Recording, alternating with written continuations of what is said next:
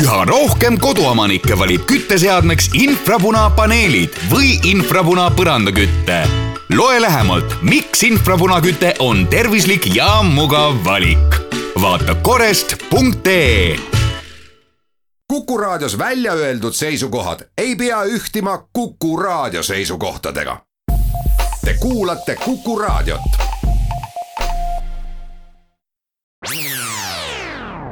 Restart.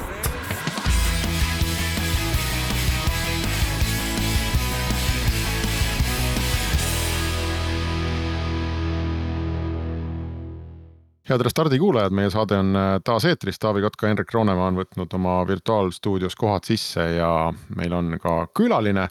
ja, ja ma pean ütlema, et see külaline on inimene, keda me oleme siia päris pikalt soovinud ja kutsunud ja siis jälle soovinud ja siis jälle kutsunud ja ja inimestel on muidugi alati kiire ja kuidagi ei ole meie teed ristunud, aga olgu selle karantiini aja ja, ja, ja selle Covidiga, kuidas on, aga kõik inimesed on äh, ootamatult muutunud väga kättesaadavaks, ka Taaviga saate tegemise ühist aega on väga lihtne leida.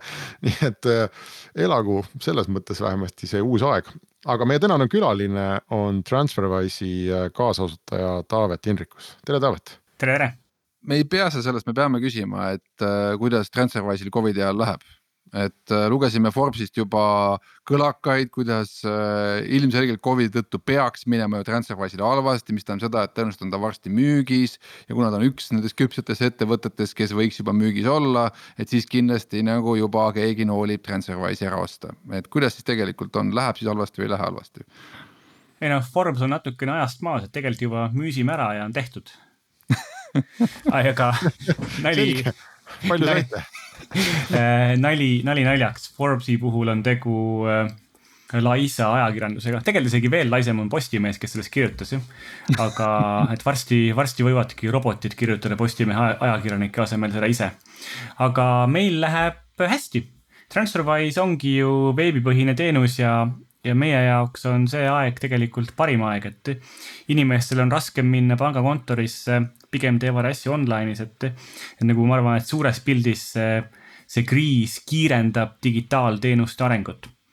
Äh, Transferwise jätkub hooga, me oleme palganud kriisi algusest saati üle seitsmekümne inimese oma, meie kontorites üle maailma. Äh, kasutame seda aega ära, et jätkata tootearendusega ja, ja üldiselt ka inimeste kasutamine ja meie ülekandemahud on, liiguvad selles rajas, mis on plaanis. aga mõtlengi, et kas Covid noh, kuna majandus läheb ikkagi selles mõttes äh, ikkagi veits vähikäigul ja, ja seiskub ja palju on töötuid ja nii edasi, et.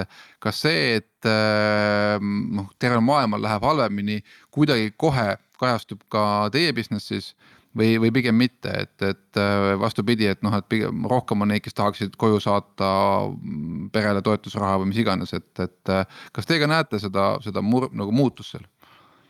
hästi palju on volatiilsust, et äh, raske on aru saada, et mis see nagu uus tase on, et et siin üks kuu olime me oma graafikus kõvasti ees, teine kuu olime natuke taga, et ma arvan, et see, mis see keskmine on, on, on jube raske öelda.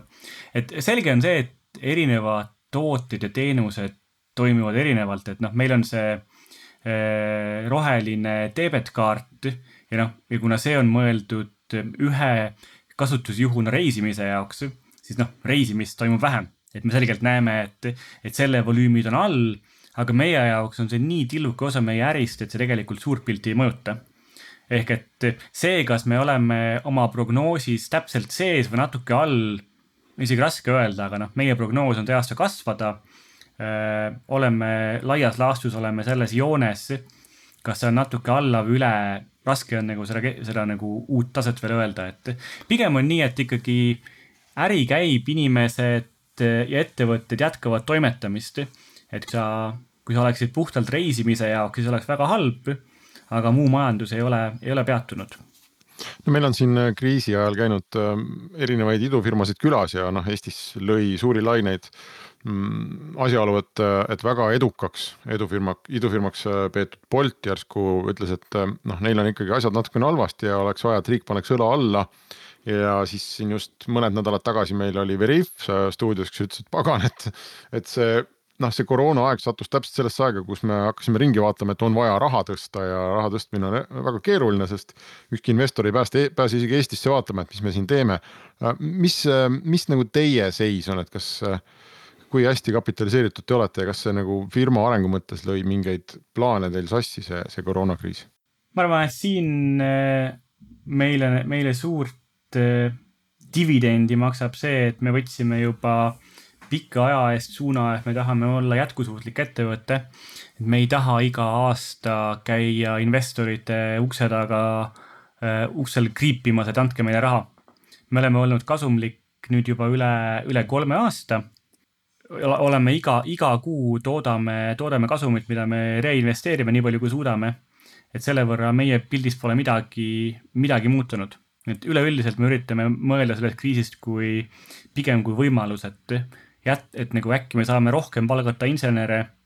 äkki, äkki tekib mingeid muid võimalusi, et eh, ma arvan, et kui sa oled, kui sa oled hästi kapitaliseeritud, siis see pigem on, on võimalus ja noh, suur vahe on ka see, et kuidas see sinu äri mõjutab, et noh, ma arvan, et jagaks selle nagu kolme, jagaks selle maailma kolmeks, ühel pool on virtuaal elu aitavad teenused nagu näiteks videokõnede rakendus Zoom, noh, nemad on kasvanud kolmsada, kolm tuhat protsenti, et noh selgelt neile läheb, neil läheb kohutavalt hästi. teine ekstreemum on need, kes on turismiga näiteks tegelevad, kes on kukkunud nulli, noh ja võib-olla turism, transport, meelelahutused, noh ma arvan, et Bolt on pigem nagu sealpool, et nende äri kõvasti kukkus üks hetk, ma arvan, et praegu on nad tõenäoliselt juba jällegi heas kohas.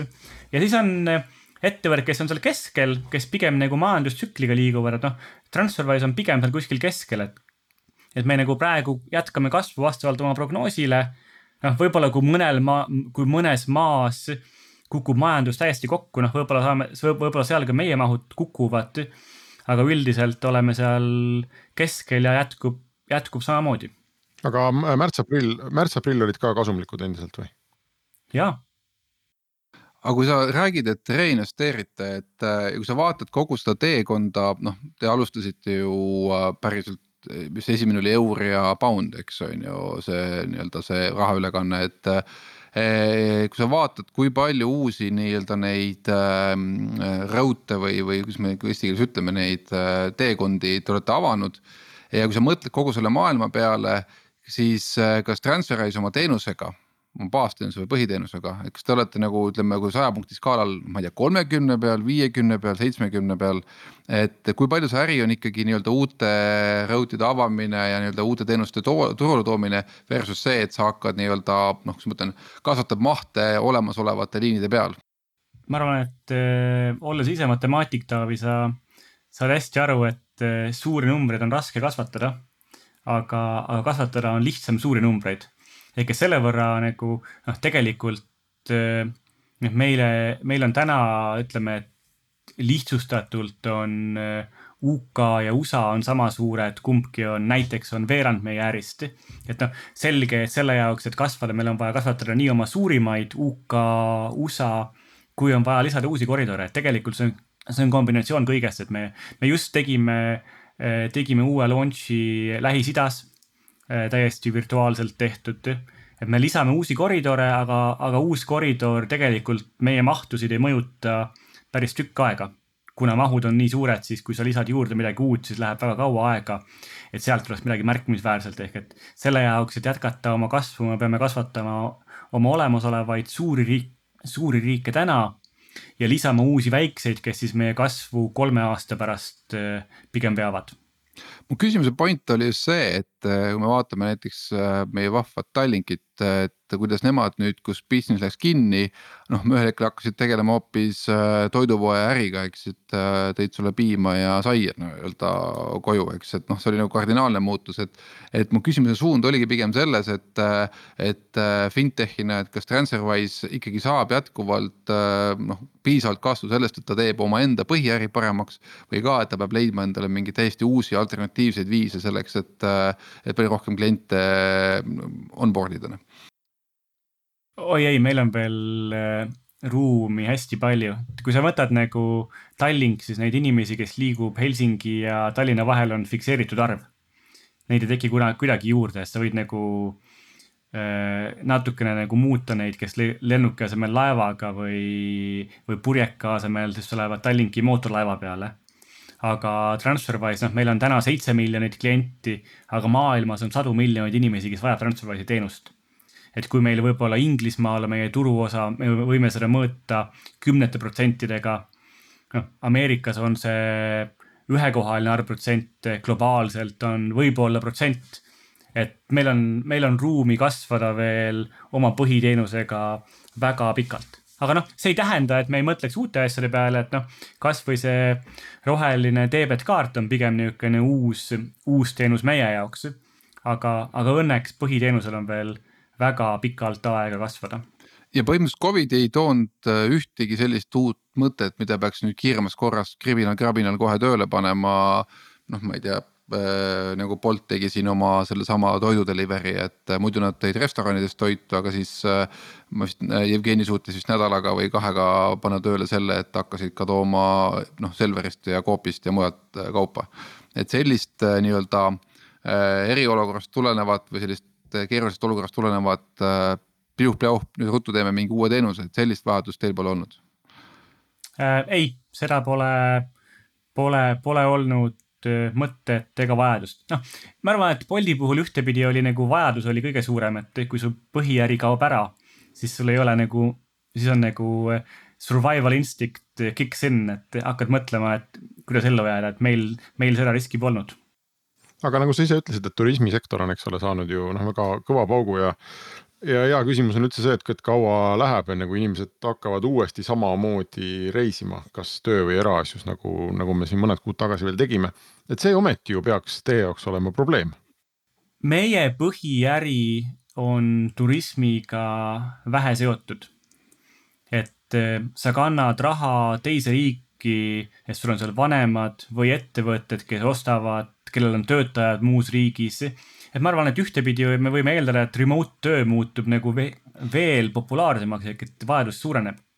kindlasti noh, kui me kõik jääme kodusteks ja, ja kui me enam ka kahe aasta pärast ei, ei reisi üldse, noh kindlasti see on ühtepidi tunda, aga ma arvan, teisipidi see võib-olla loob uusi võimalusi meile, et et ühesõnaga täna on veel vara öelda, kuidas see võiks mõjutada meid pikaajaliselt ja, ja millised use case'id pigem kannatavad, millised võidavad kusjuures jah, ma ei saanud ka Henrik su küsimusest aru, et äh, vastupidi, et tundub just, et äh, pigem mida rohkem me oleme remote'is ja mida rohkem me teeme distantsilt tööd, seda rohkem on meil vaja ülekandeid, eks, et. Äh, ei, aga mulle tundub, et see praegu nagu suund on selle peale, et, et, et riigid kuidagi kapselduvad üldse nagu iseenda sisse et noh, seda.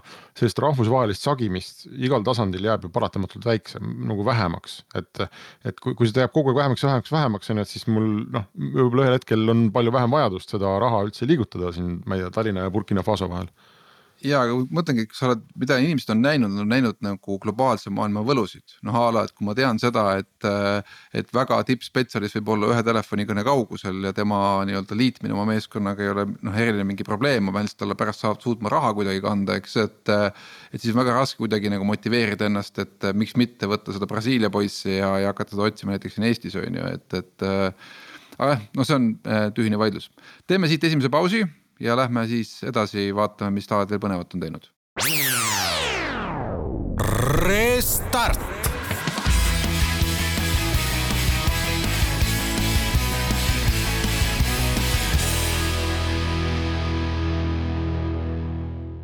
Restart jätkub ja Taavi Kotka, Henrik Roonemaa külaliseks on Transferwise'i kaasasutaja Taavet Indrikus. Te tulite sel nädalal välja immuun Äh, passiga või kuidas seda täpselt kutsuda, et äh, tahad sa sellest rääkida äh,? miks initsiatiiv alguse sai ja miks just nagu see meeskond? ja see on äh, jube, jube lahe projekt, et kui me lähme sinna nagu tagasi kriisi alguse poole ja siis, kui hakkasid tekkima esimesed nii-öelda kiirtestid, siis meil hakkas mõte liikuma, et üks viis, kuidas saada inimesed tööle tagasi, kuidas saada majandus liikuma, on see, et me, et me hakkame testima, kas inimesel on, kas neil on tekkinud immuunsus ja, ja siis lubame need tagasi välja, kes on immuunseks muutunud. noh, see on nagu ühtepidi nagu väga niisugune karm maailm ja, ja siin on nagu hästi palju erinevaid küsimusi, millega me peame tegelema.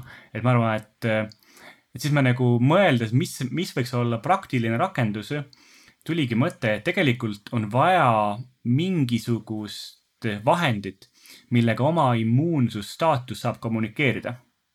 ja siis saab igaüks ise mõelda, et mis on need nagu piirid, mida peaks seadma. et noh, meie ei hakka ütlema, et, et ainult immuunne võib minna poodi, aga see, et meil on võimalus valida, kes saab minna vanematele inimestele külla ja hoolitseda, et nendel oleks tekkinud immuunsus. ma arvan, et see on väga-väga oluline. et siis me selle asemel, et hakata seda nagu pikalt mõtlema ja, ja neid eetilisi küsimusi lahendama, mõtlesime, et me pigem, pigem prooviks seda niimoodi natukene ettevõtjalikult tegema hakata. et prooviks selle valmis ehitada ja siis vaatame, et mismoodi inimesed sellesse suhtuvad ja kas seda saab kasutada ja hakkasimegi tegema. Äh, ja nüüd on esimene piloot on, on just käima läinud, meil on siin Radisson SAS hotell ja AT Sport poekett, kes proovivad.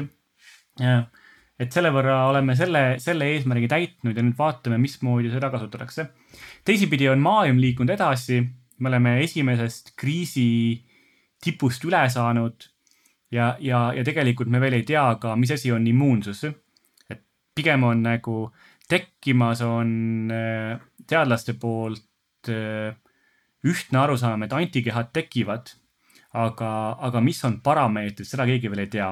kuidas, kui kähku nad tekivad, kas ja kui pikk on immuunsus, seda me tegelikult veel ei tea, et see on, see maailm muutub üsna kiirelt ja, ja teisipidi äh, ei ole veel ka lihtsat viisi neid teste teha. ehk et need äh, näpuotsa kiirtestid on pigem üsna vähetäpsed, veeniveretest on logistiliselt keerukas Äh, et seal on ka nagu ootame veel arenguruumi, aga, aga jube hea meel on, et me saime selle piloodi tehtud. Eesti on esimene riik maailmas, kus mobiilne immuunsuspass on piloteeritud, ma arvan, et see näitab Eesti e-riigi võimekust. Äh, ja, ja nüüd äh, vaatame, kuidas see piloot läheb ja samal ajal jälgime, kuidas on arengud immuunsuse kontseptsiooniga ja testidega ja ma arvan, et me oleme valmis selle jaoks, et ühelt poolt tõenäoliselt nagu juba täna on ettevõtted, kes mõtlevad tõsisemalt, et, et kui me ei pea inimesi kontorisse saatma, et noh, ühtepidi, kui sa oled pood, kes müüb kaupa, kui sul on pood kinni, su äri on surnud, et sa nagu oled rohkem sunnitud, aga kui sa oled ettevõte, kes ei pea inimesi kontorisse saatma, et sa võid hakata mõtlema natukene, natukene rohkem, et okei okay,, me paneme kontorisse inimesed kes võib-olla on immuunsed või teisipidi, kui me hakkame mõtlema, kes teenindavad kliente, et, et siin on, ma arvan, hästi palju, hästi palju on vaja teha nii-öelda product development tööd ja näha, et, et mismoodi ja, ja kes tahaks seda kasutada ja teisipidi ma arvan, et me oleme valmis selleks, et kui tulevad järgmised lained ja, ja kui siis on ühiskonnas rohkem inimesi, kellel on antikehad, siis ma arvan, et see on, see on üks viis, kuidas me võiksime siit välja, välja pääseda no sina oled äh, Londonis, kui ma ei eksi praegu, eks ole, et, et London oli võrreldes Eestiga, äh, see Londoni selline situatsioon kriisi tipphetkel oli, oli kindlasti oluliselt tõsisem, kui ta Tallinnas oli ja. ja noh, nii, nii numbrite poolest, kui, kui ma arvan miskipärast, et sellise avaliku tunnetuse poolest, et kui ohtlik on üldse oma nina välja pista. kuidas see, kuidas see aeg sinu jaoks läks, et kas sa oled terve oma ettevõtte, kas sina ja terve su ettevõte on istunud kaks kuud kodus Ähm, kas sa oled käinud ringi maskiga ja vaadanud ette ja pesnud käsi ja muretsenud selle pärast või natuke räägi sellest kogemusest? Transferwise'i kaks tuhat kakssada töötajat neljateistkümnes kontoris üle maailma on kõik liikunud kodutööle. tegime seda juba kunagi märtsikuus ja see on meie jaoks väga-väga edukas olnud. Eh, mina ise olen olnud kodus. Eh, ma käisin nüüd, ma jõudsin esimene märts tagasi Londonisse ma käisin nädal hiljem, kas äkki mingi kaheksas märts käisin ühe päeva Pariisis. ja see oli mu viimane, viimane reis ja olen sealt saati olnud kodus. ühe korra käisin Transferwise'i kontoris, kui ma pidin esinema ühel konverentsil ja mul läks kodune internet katki. et siis äh, erandkorras äh, äh, sai kontorisse sisse, aga, aga olen kodus, teen siit oma kontoritoast, mis ühtlasi on ka spordi, spordihall ja külaliste magamistuba, külalisi käib vähe praegu. teen siit tööd ja tegelikult maailm jätkub no kui sa vaatad nüüd aknast välja ja sa näed, et seal mingid inimesed liiguvad ringi, on ju, ja sina oled äh, kaks kaks ja pool kuud varsti istunud kodus ja, ja terve su ettevõte on istunud kodus. kas sul ei ole, ei teki sellist tunnet, et, et kui me varustame mingid inimesed nagu loaga käia ringi, et siis et sina vaatad oma aknast, surud nina vastu akent ja vaatad kurvalt, et kuidas need lapsed mängivad õues, kes võivad äh, mängida, et kas, kas sul ei teki tunnet, et, et sa oled nagu karistatud järelikult selle eest, et sina, pagan võtaks, oled ju kõiki ettevaatusabinõusid nagu jälginud, olnud korralikult kodus, aga nüüd mingid teised inimesed, kes on laianud võib-olla ringi ja saanud endale selle pagana viiruse, võivad nüüd käia väljas ja ööklubis ja, ja üksteisega kokku saada ja vanematel külas ja, ja miks siis mina ei või? Et sa mõtled nüüd siis immuunsuspassi kontekstis, et kas me tekitame niisugused eetilised probleemid? no näiteks, kas sul endal ei teki tunnet, et viha, et pagan, et mis asja, et mina olen ju kõiki reegleid täitnud ja need teised vennad võivad nüüd praegu ringi jalutada? ma arvan, et me oleme väga kaugel sellest, et me tekitaksime ametliku korra, et me lubame välja ainult immuunsed inimesed õue mängima.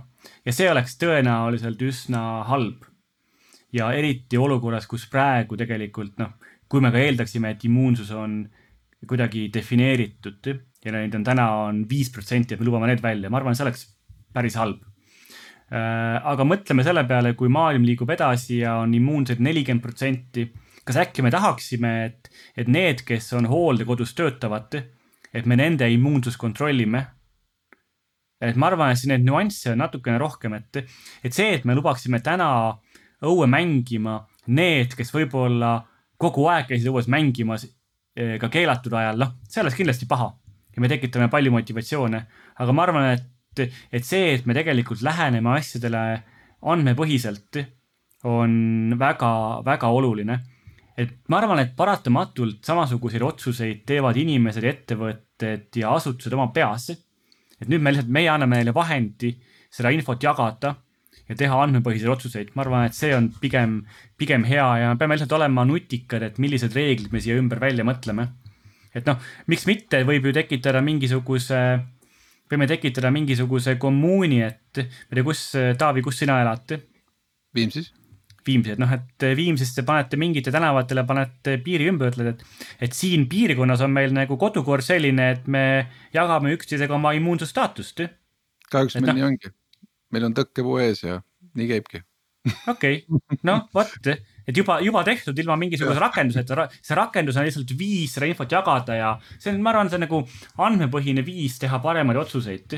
ja, ja ma arvan, et on, on kohtasid, kus see on, kus see on väga hea ja vajalik ja on kohti näiteks, kui me teeksime seda üle kogu ühiskonna, kus see võib olla väga ohtlik, kui me teeme seda valesti no me võime siin ju graafiteooriat sisse tuua, et mida paremini me kontrollime omaenda lähivõrgustikku, seda vähem on tõenäosust, et me nakatume, eks, et äh, kokkuvõttes see noh, andmepõhisus seda tähendabki aga kui sa vaatad seda pilti nagu suuremalt, lähme tagasi sinna suure pildi juurde, et äh, peale selle, et inimesed äh, on, teevad tohutu digiarengu hüppe läbi, nende oskused kasvavad. Äh, mis sa veel näed praegu selle Covidiga kaasa tulevat, et mis meie käitumise ja mõtteviisiga muutumas on, kui sa vaatad niisugust väga suurt pilti just sealt Londoni poole pealt ka, et mismoodi seal inimesed muutuvad?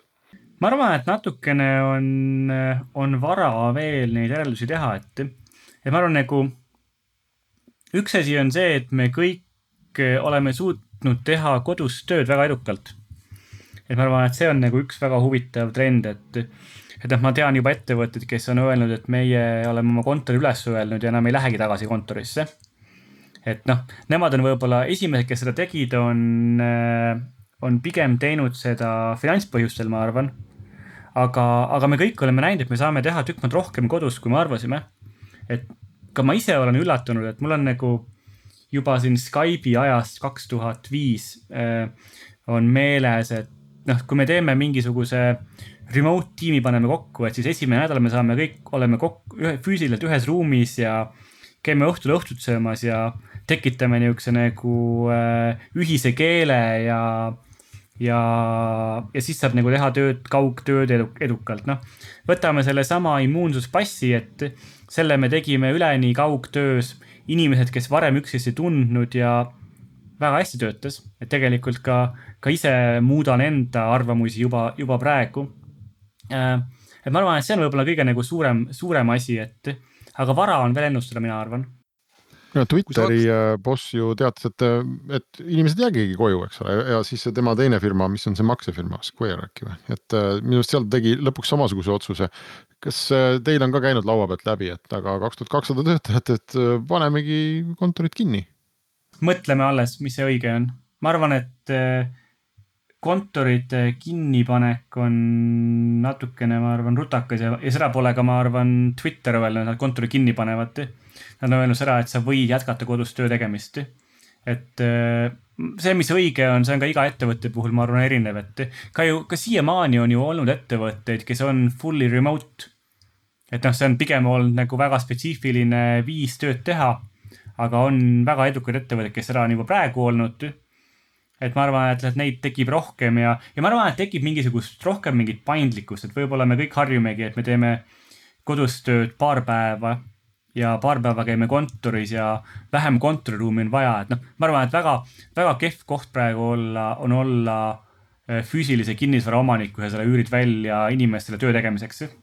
kusjuures äh, siia ma kirjutan täiesti alla, et Äh, see, mismoodi näiteks äh, meie oma butiigiga teenindame Indiat, oli enne Covidit ja nüüd Covidi ajal äh, põhimõtteliselt samasugune. ainuke, mis on muutunud, on jah see, et vähem on neid ühiseid kontoripäevi, eks, aga, aga see, et me töötame üle Zoom'ide, üle Teams'ide ja nii edasi, et, et siin ei ole nagu mitte midagi muutunud ja see on nagu väga õige, et, et noh, needsamad teemad, et kas me peame olema viis päeva kontoris või piisab neljast või kolmest. ega siin mina hakkan ümber vaatama neid väärtusi, et pean tunnistama, et mulle kogu aeg tundus, et see kaugtöö. no vähemalt äh, see variant, et sul on üks tiimiliigi Viljandis ja ülejäänud käivad kõik kontoris koos, et see kuidagi tundus, et see ikkagi väga hästi ei toimi. aga nüüd, kus Covid on meid kõiki koju surnud, siis et äh, saab hakkama küll, kui vaja, et. ma arvan, et see ka peale ettevõtte natuke sõltub inimestest, et ma, et äh, et kõik inimesed nagu, ma arvan, et iga inimene ei ole nii hästi eh, suutlik tegema kodus tööd ise. et ma arvan, siin on nagu mõne jaoks on see kontor parem, mõne jaoks on see halvem, et ma arvan, lihtsalt me nagu suudame hakata paremini mõtlema, et mis töötab iga inimese, iga ettevõtte jaoks. aga teeme siia pausi ja räägime startup idest edasi. Restart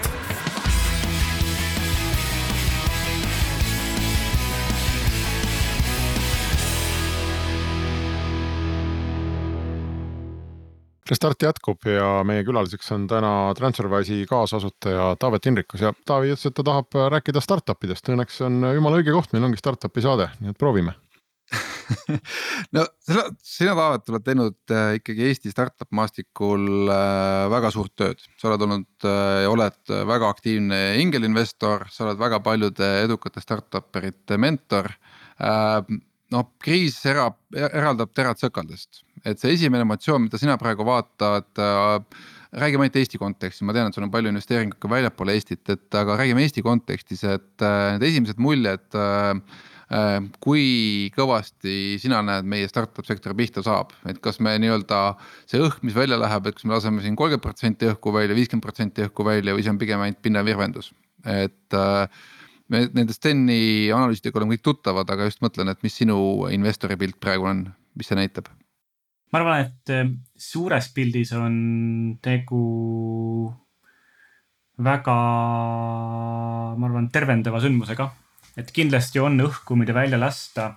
kindlasti viimaste aastate jooksul on ettevõtted saanud raha tõsta, kes võib-olla poleks pidanud ja kindlasti on paljud on, on oma kummi venitanud rohkem kui vaja ja siis me oleme olukorras, kus on, kus on ettevõtteid, kes, kes suutsid raha tõsta eelmise aasta detsembris ja kelle ainukene product market fit, fit on see, et neil on raha kontol. ja on ettevõtteid, kes võisid väga head olla, kellel oli raha vaja, kes olid vales sektoris, näiteks turism ja kes seetõttu lähevad hingusele.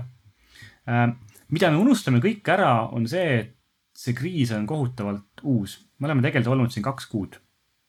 ja praegu inimesed on tänavatel, kallistavad jälle, tundub, et kõik on ju, kõik on ju tore. Et ma arvan, et see nagu, et see, kes hakkama ei saa ja nii edasi, et me näeme seda pigem hiljem.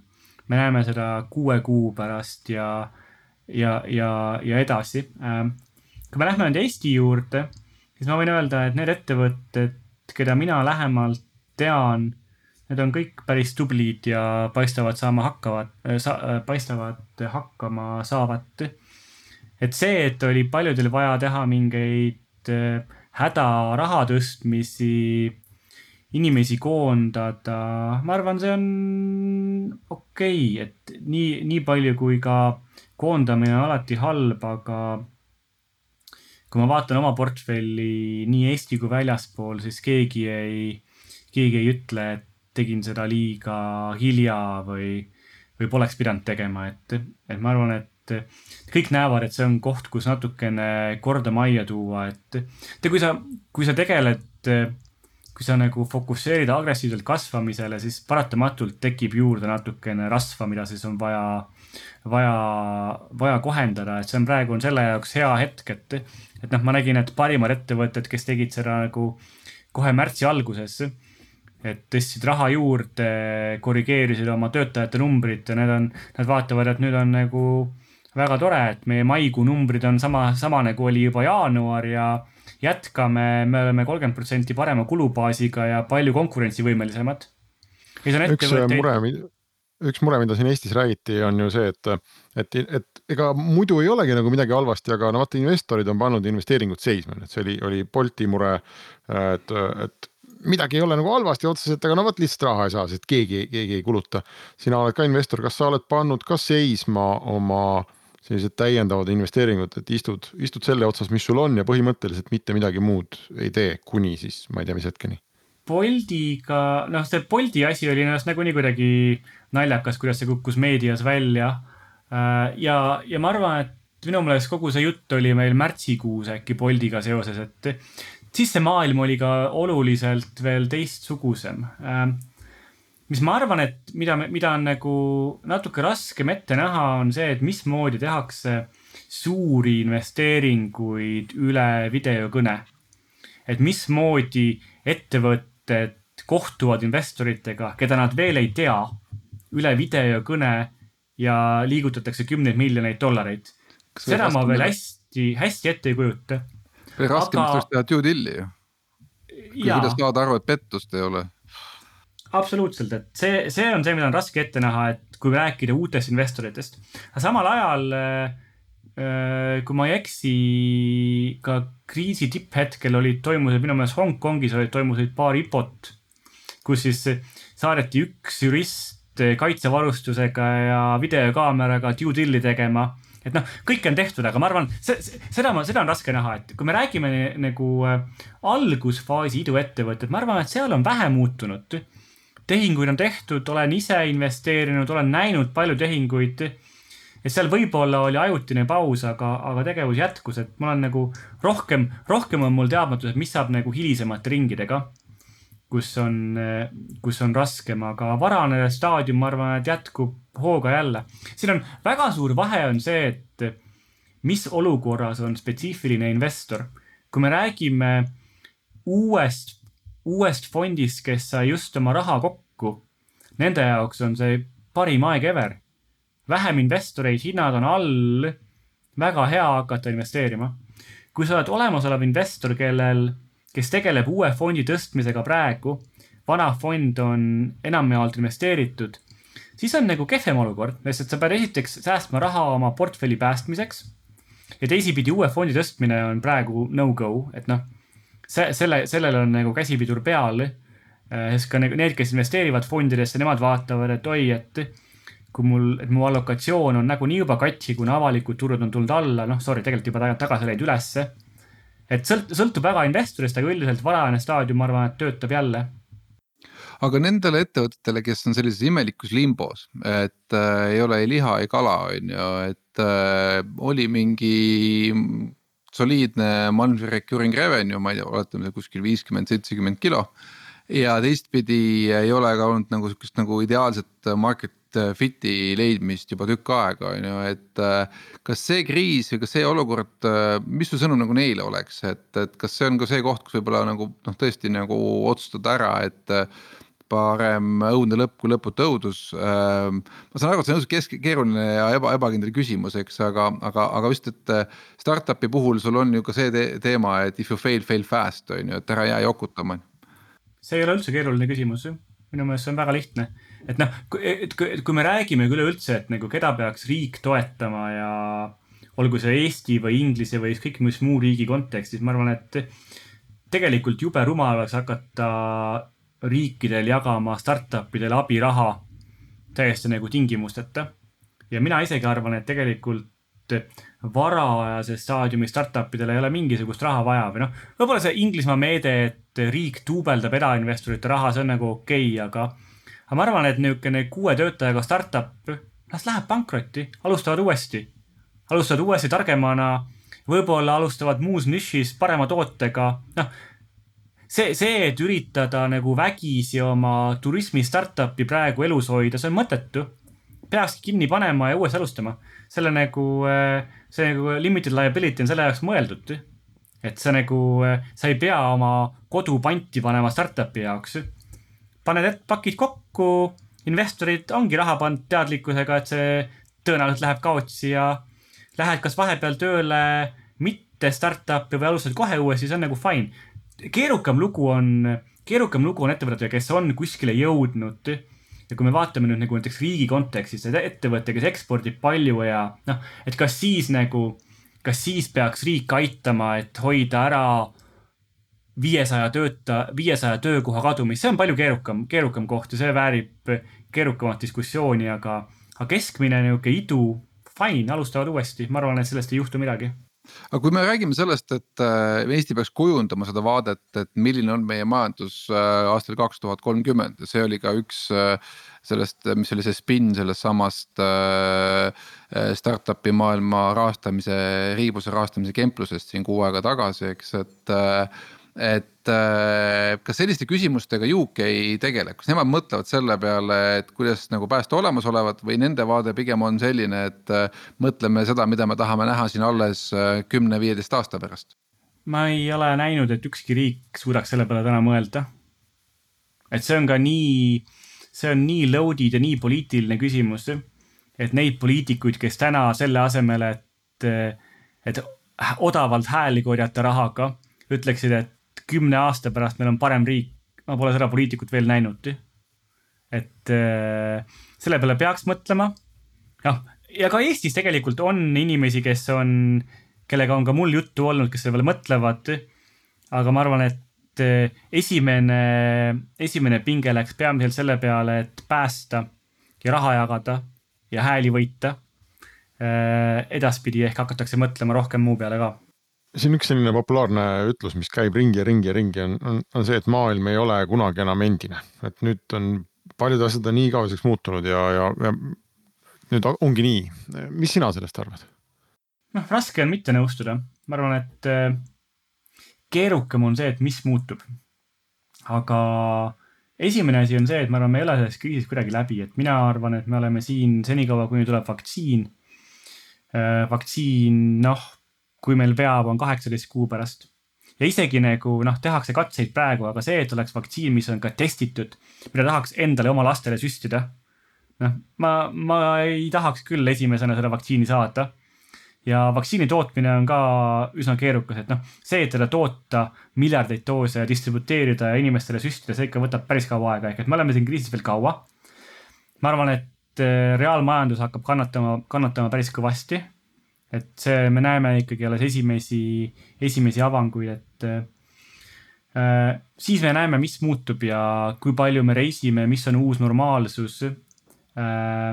kui palju me suudame siit tegelikult häid õppetunde võtta ja mõelda, et tegelikult on palju asju võimalik uuesti alustada, paremini teha, et räägime sellest uuesti mõne kvartali pärast kusjuures see kohandumine ikkagi käib ju inimesel äh, noh tsüklitega, et kui me võtame kasvõi selle aja, kui internet tuli, siis oli äh, tohutu valmistumine käis selleks, et, et ka kõik süsteemid tuli ehitada niimoodi, et mis siis juhtub, kui internetti ei ole noh, täna me ehitame süsteeme, me enam ei mõtle selliste küsimuste peale nagu, et äh, me elame, me oleme sellega toime tulnud, me nagu noh, arvestame sellega, et, eks siin on samamoodi, et. et me mingi hetk harjume sellega ära, et see puhang võib olla ja siis, kui puhang on, et siis me käitume noh, ühesõnaga kui vihma sajab, siis me teeme vihmavarju lahti, eks, või. või istume toas, on ju, et, et selles mõttes, eks me, eks me adapteerume. ma arvan, nagu puhang puhanguks, üks asi on see, et kuidas elada maailmas, kus neid puhanguid tuleb kogu aeg uuesti äh, see on isegi pigem, ma ütleks, on võib-olla nagu tehniline detail. aga mis on, mis on minu meelest lahe, on see, et siin on kohutav interneti kiirendumine. et ma nägin numbrit, et kas USA e-kommerts oli kuusteist protsenti märtsi alguses, praegu on kakskümmend seitse protsenti. et noh, ma arvan, et on väga palju näiteks vanemaid inimesi, kes võib-olla oma elus kunagi ei oleks e-poodi läinud aga kes nüüd avastasid, et see on tegelikult päris lahe viis toitu tellida, et me, me suudame palju asju teha palju, palju efektiivsemalt ja ehk me suudame siit midagi õppida, et mismoodi me siis kulutame võidetud aega mõistlikumalt, teeme sellega midagi, mis meile rohkem meeldib vestlesin Itella kulleriga hommikul, ta ütles, et muidu, muidu enne kriisi üksinda teenindas äh, Pirita ja Viimsi piirkonda. Ja nüüd nad tulevad nelja mehega vaevu toime ja see on ainult üks kullerfirma Eestis, et selles mõttes, et ka Eestis toimub ikkagi no vähemalt nelja-viiekordne kasv kogu selles e-kaubanduses aga. mul on, mul on näide eilsest, et kui me rääkisime selle raadiosaate kohta, siis sa, te olite väga nõudlikud, et mul on vaja head mikrofoni Läksin internetipoodi, panin filtri hea mikrofon, mis to toodaks täna õhtul kohale ja Amazon tõi mulle eile õhtul paki, ühe pakiga mikrofoni, teise pakiga USB kaabli.